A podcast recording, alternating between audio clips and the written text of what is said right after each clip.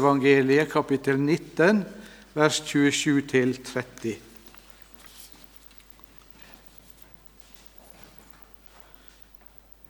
Da tok Peter til orde og sa til Jesus, Sjå, vi har forlatt alt og fulgt deg. Hva skal da vi få? Jesus sa til, til dem, Sannelig sier jeg dykk, når verda skal fødes på nytt, når Menneskesonen sitter på herligdomstrona si, da skal de òg som har fulgt meg, sitte på tolv troner og dømme de tolv Israelsettene.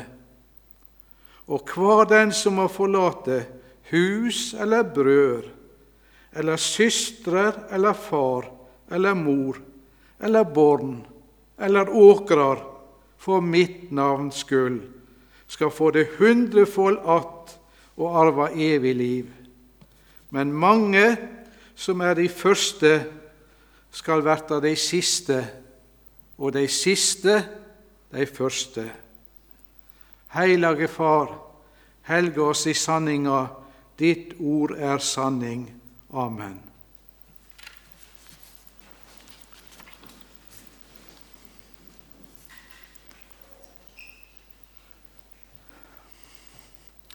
I dag vil jeg gjøre noe som jeg ikke pleier å gjøre så ofte når jeg taler.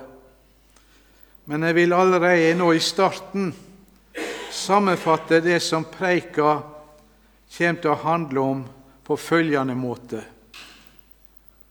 For det første den som følger Jesus, må regne med å forsake mye. For det andre den som følger Jesus, kan rekne med ei velsigning som er enda større enn forsakinga og tapet, hvor stort dette enn har vært. Og for det tredje men mange som er de første, skal verte de siste, og de siste de første. Da har vi som overskrift for den første delen av preika den som følger Jesus, må regne med å forsake mye.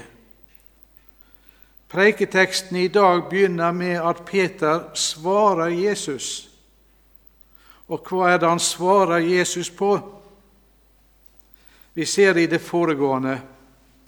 Det begynner med en fin, ung mann som kommer til Jesus og spør hva godt skal jeg gjøre for å arve evig liv? Jesus viser han til Guds bud, og mannen han svarer at 'dette har jeg halve helt ifra min ungdom av', mente han. Og Da sier Jesus til den unge mannen at 'vil du være fullkommen, så gå bort og sel alt det du eier, og gi det til de fattige, så skal du få en skatt i himmelen, og kom så og følg meg.' Men da gikk han bedrøva bort for han var svært rik. Og Da sier Jesus til disiplene hvor vanskelig det vil være for en rik å komme inn i Guds rike. Ja, det er lettere for en kamel å gå gjennom et nålauge enn for en rik å komme inn i Guds rike. Og det sa Jesus med stort alvor.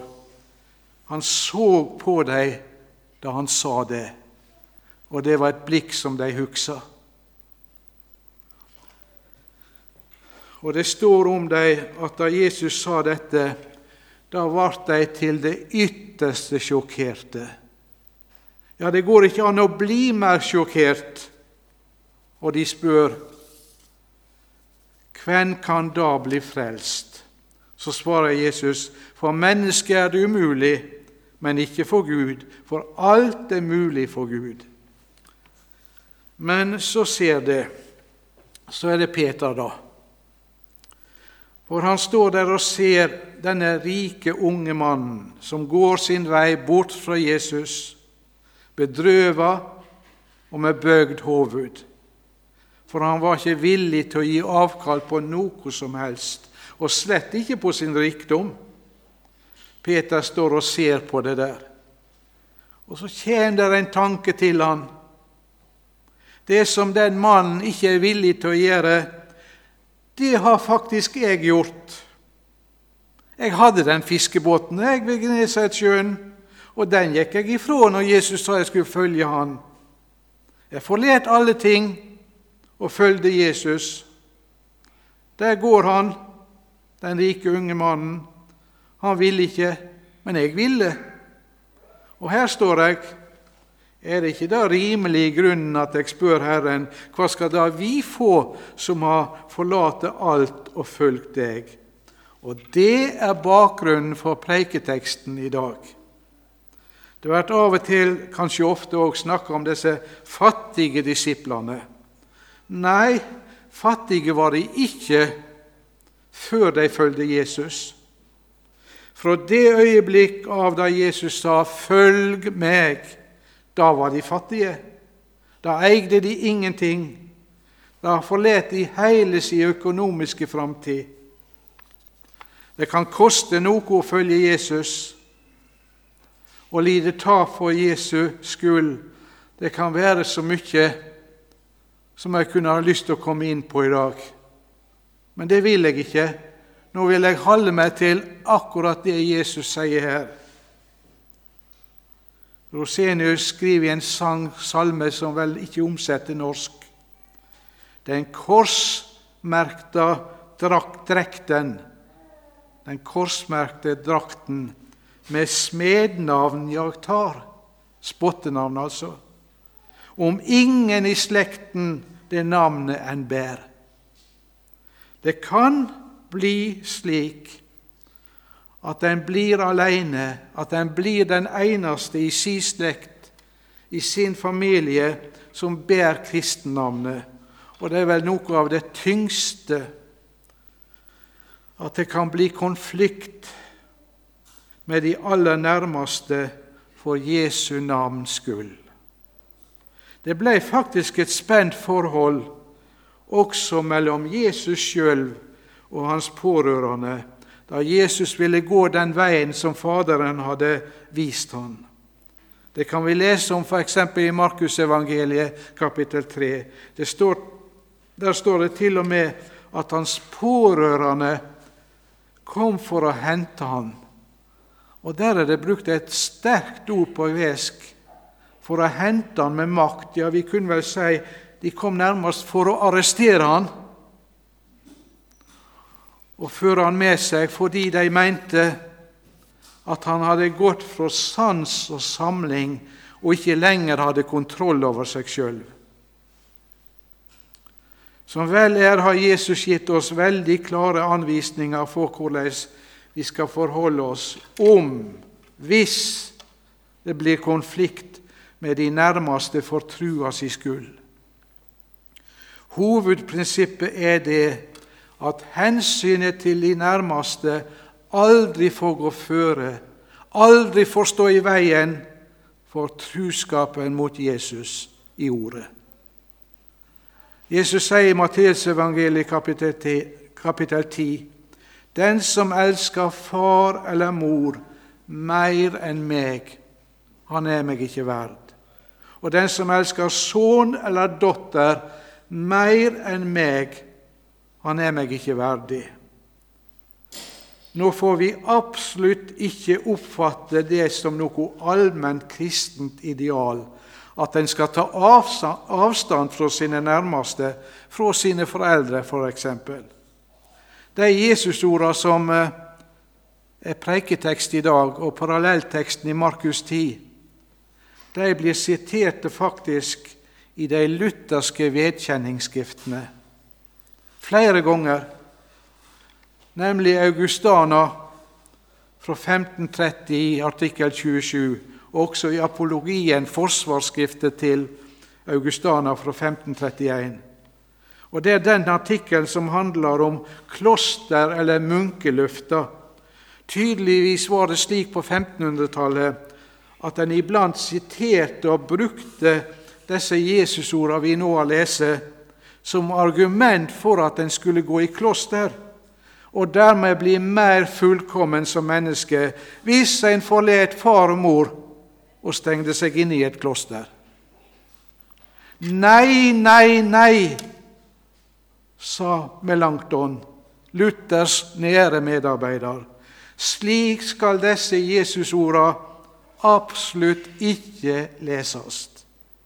Det er ikke noe allment kristent ideal, det å slutte å leve sammen med sine nærmeste, sine foreldre f.eks. For Men det Jesus taler om, det er nærmest noe som hører hjemme i en forfølgingssituasjon, sier Melankton. Og Det hører vi også i parallellteksten i Markus 10, at Jesus taler om forfølginger som disiplene skal få gå gjennom. Nei, den allmenne, grunnleggende regelen den er jo i stedet den som vi har i det fjerde budet. Du skal heidre far og mor. Det fjerde budet har Jesus på ingen måte oppheva. Og i første Timotius brev, kapittel 5, så står det til og med at den som ikke har omsorg for sine nærmeste, han har fornekta trua og er verre enn en vantruende. Det er verre enn en hedning er det også blitt omsett. Det er veldig strenge ord apostelen Paulus her uttaler. En er verre enn en vantruende. En er verre enn en hedning om en ikke vil ta hånd om sine pårørende f.eks. For foreldre i deres alderdom. Men i visse tilfeller så kan det altså komme til et brudd, et nødvendig brudd, med de nærmeste for Jesu navns skyld. Og under andre himmelstrøk fins det mange nå i denne stund som er i en slik situasjon at de nærmeste ikke vil ha noe med en å gjøre fordi en tro på Jesus. Nå kan det også være slik, la meg bare kort nevne det, at en kan få et særskilt kall fra Gud som gjør det nødvendig i det minste for ei tid å leve skilt fra sine nærmeste. Vi har forlatt alt og fulgt deg, sier Peter. Hva skal vi få som lønn for dette? Og Merk så at Jesus ikke sier til Peter Fy og fy, Peter, som spør etter lønn. Men han aksepterer at Peter ser fram mot lønna.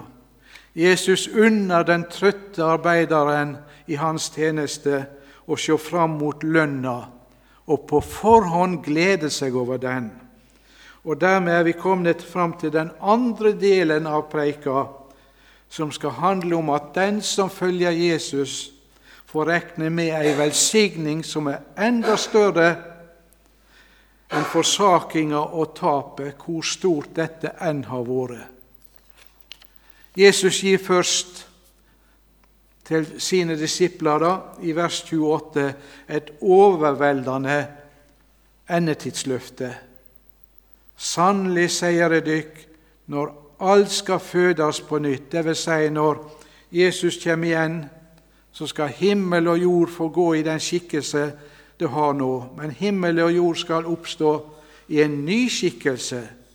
Og da skal menneskesonen, altså Jesus, sitte på herligdomstrona si og da skal de òg som har fulgt han, altså disiplene, sitte på tolv troner og dømme eller styre de tolv Israelsettene. For tida si skyld kan jeg ikke si mer om det nå. Og hva det betyr, det skal vise seg den dagen Jesus kommer. Og det får vi nøye oss med. Men i samme åndedrag sier så Jesus i vers 29 at det svarer seg å følge Han, hver den som har forlate hus eller brød, eller søstre eller, eller far eller mor eller barn eller åkrer for mitt navns skyld, han skal få det hundrefold att og arve evig liv.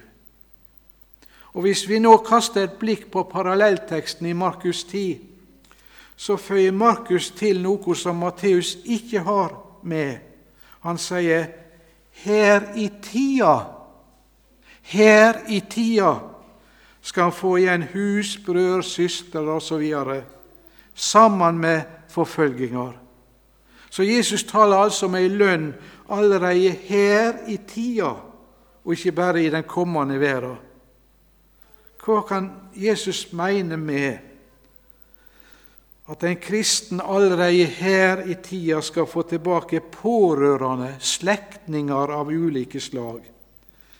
Jeg tror vi kan få litt hjelp til å forstå dette ved enda en gang å gå tilbake til Markus 3, der det blir fortalt om at Jesu pårørende kommer for å hente han. Da er det noen som sier til Jesus Sjå, mor di og brødrene dine er her. Hva svarer Jesus da? Han svarer med et spørsmål. Hvem er mor mi, og hvem er brødrene mine? Og så ser han seg omkring, og så ser han på de som sitter omkring han og lytter til hans undervisning, og sier, Sjå, her er mor mi og brødrene mine og søstera mi. Den som gjør Guds vilje, han er bror min og søstera mi og mor mi. Jesus sier altså at om en følger Han, så kommer en allerede her i tida, i denne tidsalder, inn i en ny slekt, inn i en ny familie der en får nye pårørende. De har kanskje hørt navnet Frank Mangs. Det var en berømt finlandssvensk predikant på 1900-tallet. Han sa en gang i ei preike den åndelige slektskapen, det åndelige slektskapet, sa han, betyr mer enn det jordiske. Ja, Det er noe veldig viktig i dette, at slik er det virkelig. Det åndelige slektskapet betyr mer enn det jordiske. Vi som kristne vi er som kristne mer i slekt med hverandre enn vi forstår. Og Særskilt i forfølgingstider er det viktig å tenke på dette slektskapet som vi har med hverandre, og tenke på å støtte og hjelpe hverandre. Hver og en som tror på Jesus i sitt hjerte, han er jo født på ny, sier Jesus i samtalen med Nikodemus i Johannesevangeliet kapittel 3. Og det å bli født på ny betyr veldig kort sagt at en har fått del i et helt nytt liv. Et liv som kommer fra Gud sjøl og hvor reelt den nye fødsel er tenkt i Det nye testamentet, går fram kanskje aller tydeligst i Johannes sitt første brev, kapittel 3, der det står om den som er Guds barn, at han har Guds sæd, Guds sperma, værende i seg.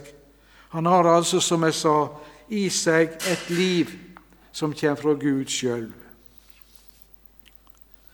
Hva betyr det da når Jesus sier at en skal få hus tilbake og åkrer tilbake? Veldig kort, det også.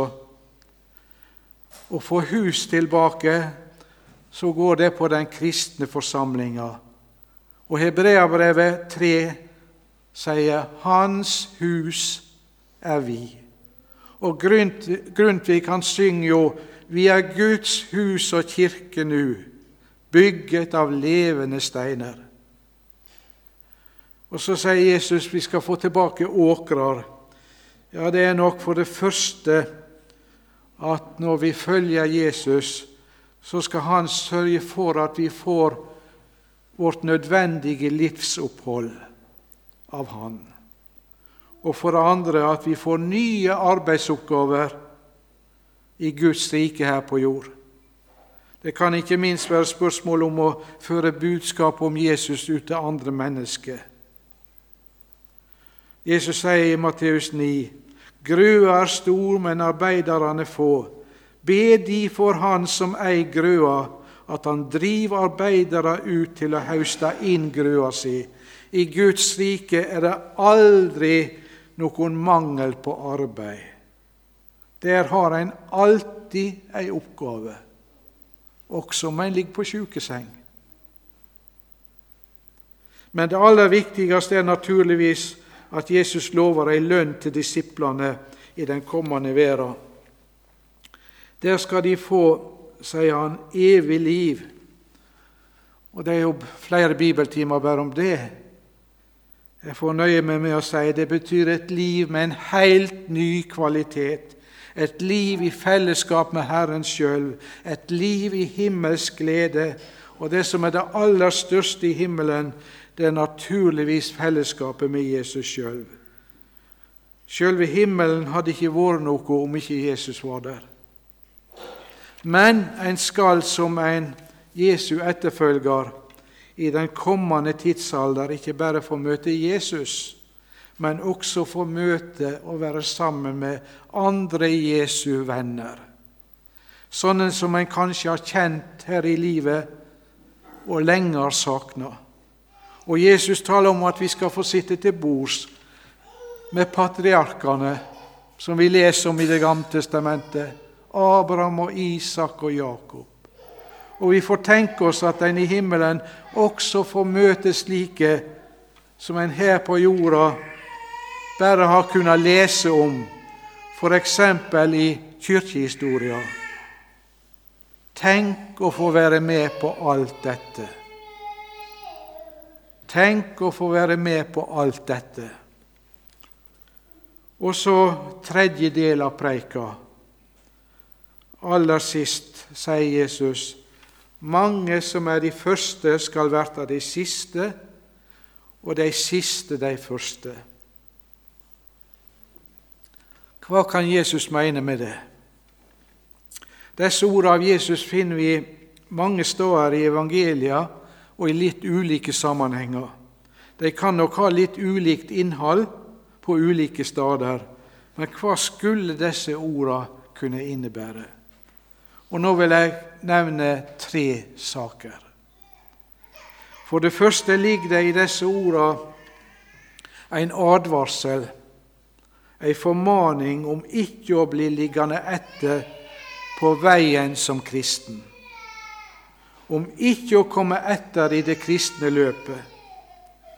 Og Lars Linderoth skriver jo slik på salmen de har i salmeboka på 419.: Ingen vinner frem til den evige ro, som seg ei veldig fremtrenger. Sjelen den må utstå en kamp for den tro, orda vår salighet henger.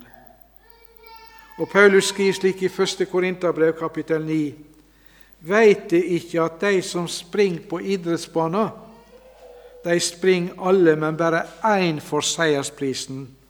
Spring da slik at de kan vinne han.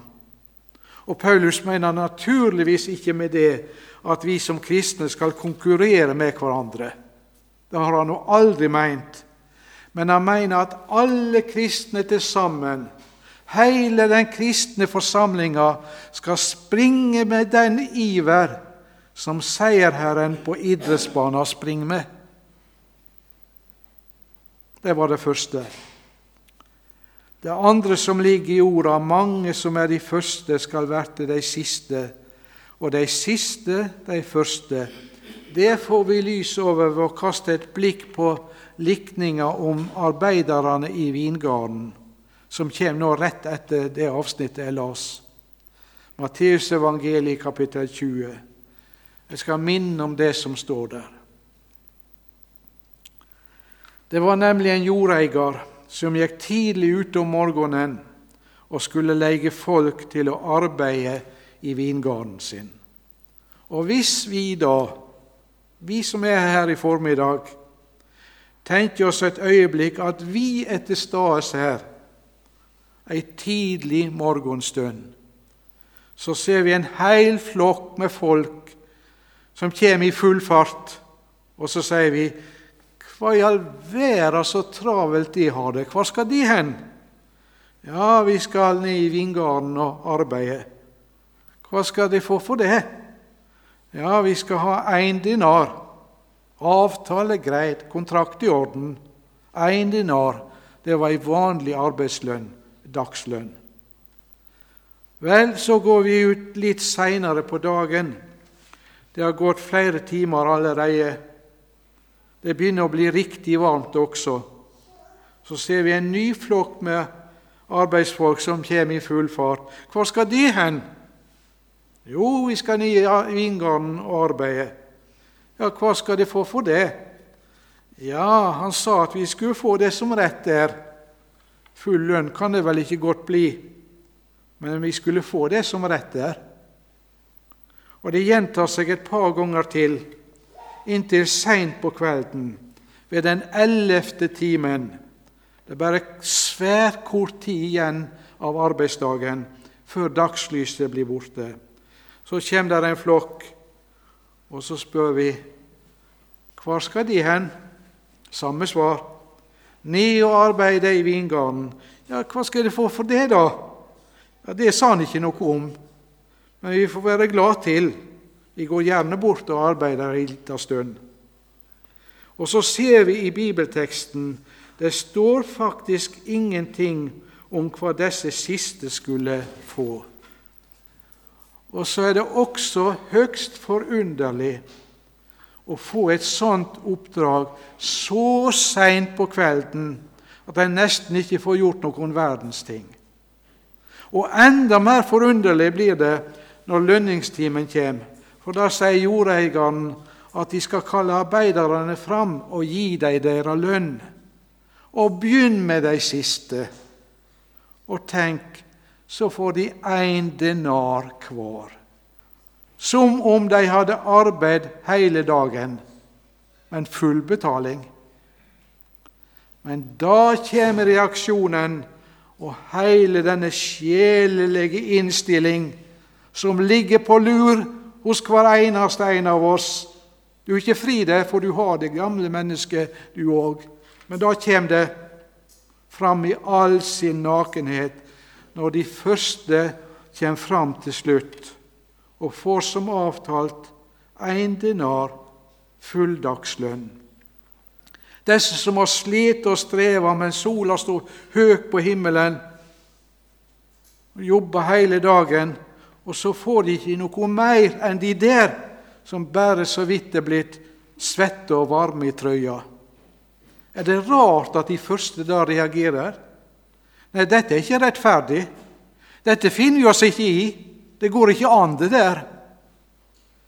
Sånn handler ingen jordisk arbeidsgiver. Det tør vi vel påstå. Nei, men sånn handler Gud. Og det er det som er poenget, det er det som er budskapet. Gud gjør det som her står.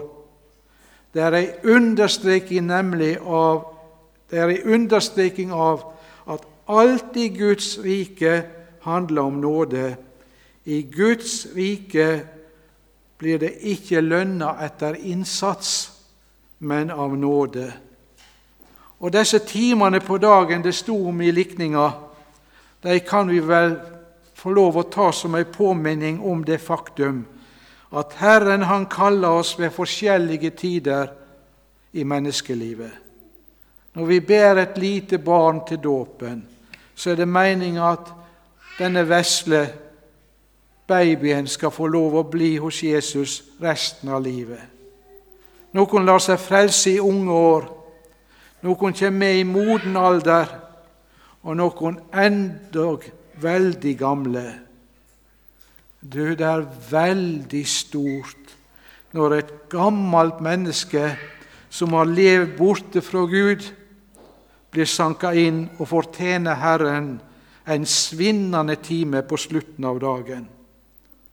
Her er mennesker som har slitt og arbeidet arbeid hele livet i Guds rike, men de får ikke større lønn, de enn andre. En som blir kalla i den ellevte timen, en som blir omvendt til Gud på dødsleiet. Han blir like salig, han, som den som har slitt og svetta hele dagen.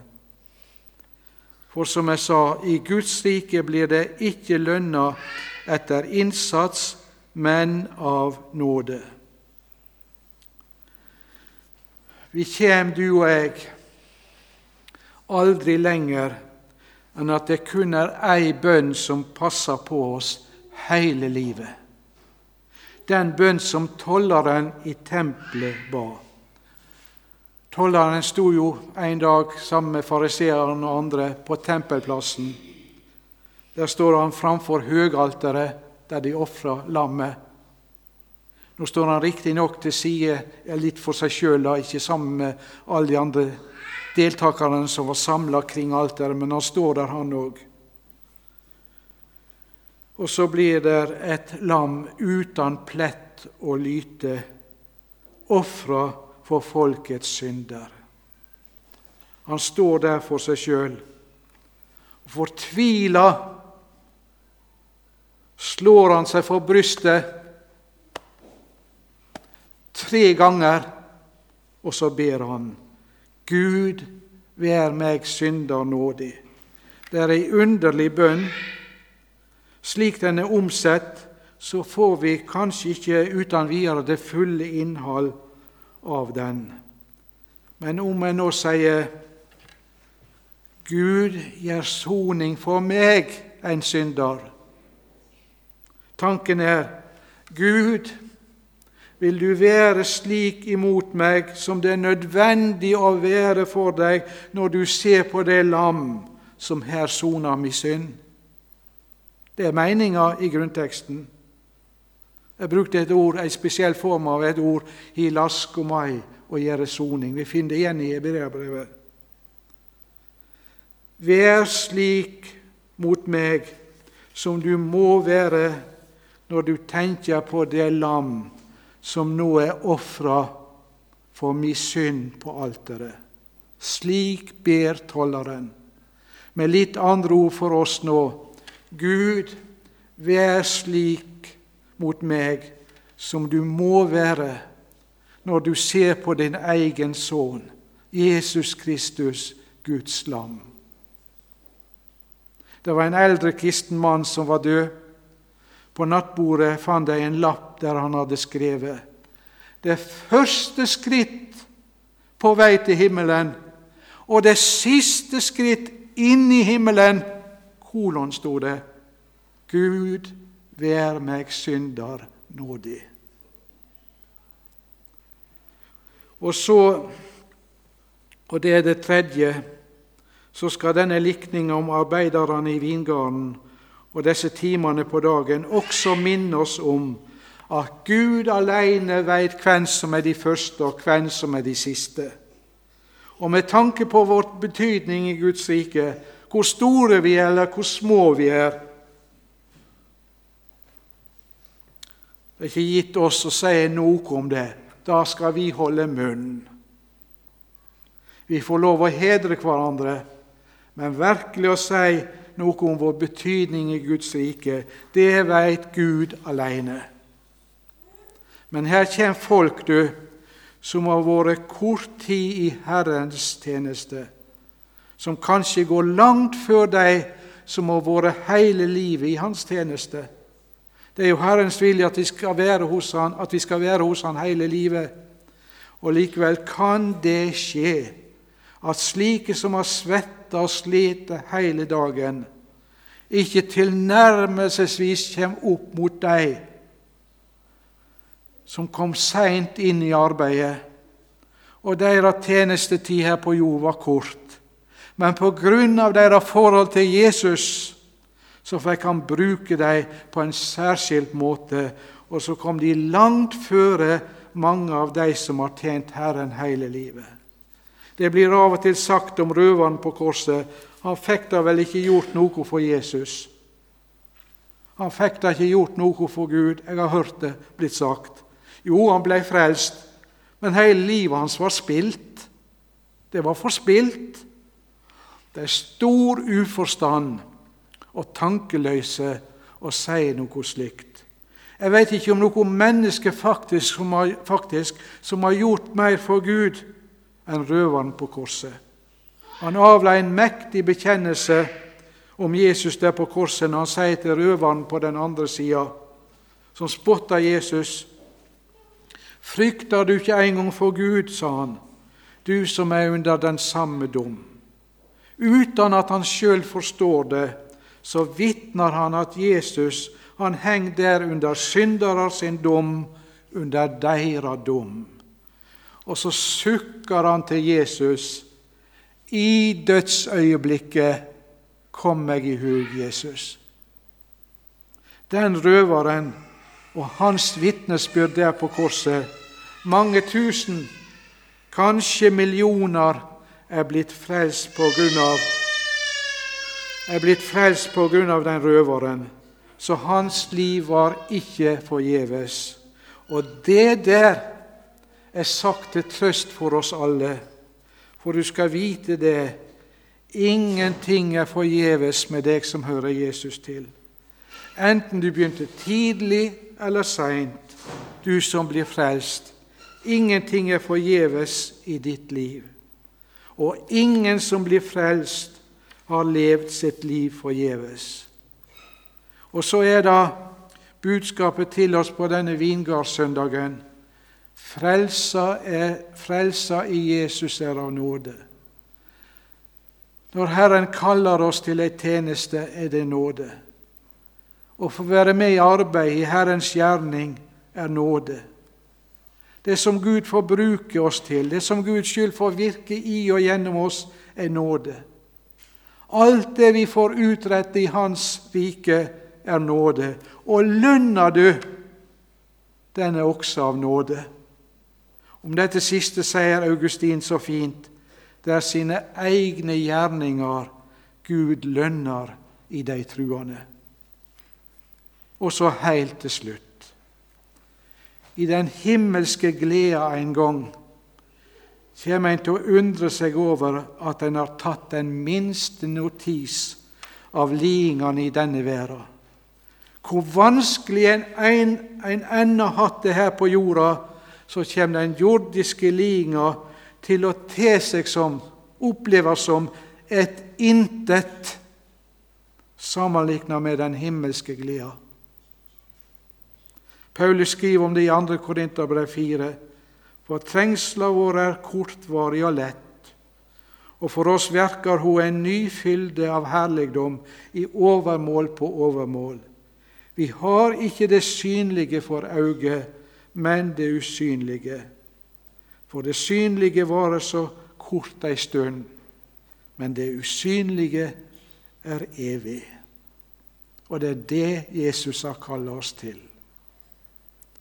Ære være Faderen og Sønnen og Den hellige Ande, som var og er og være skal, en sann Gud, fra evig og til evig. Amen. Da må du finne fram den eh, tilleggssalmeboka.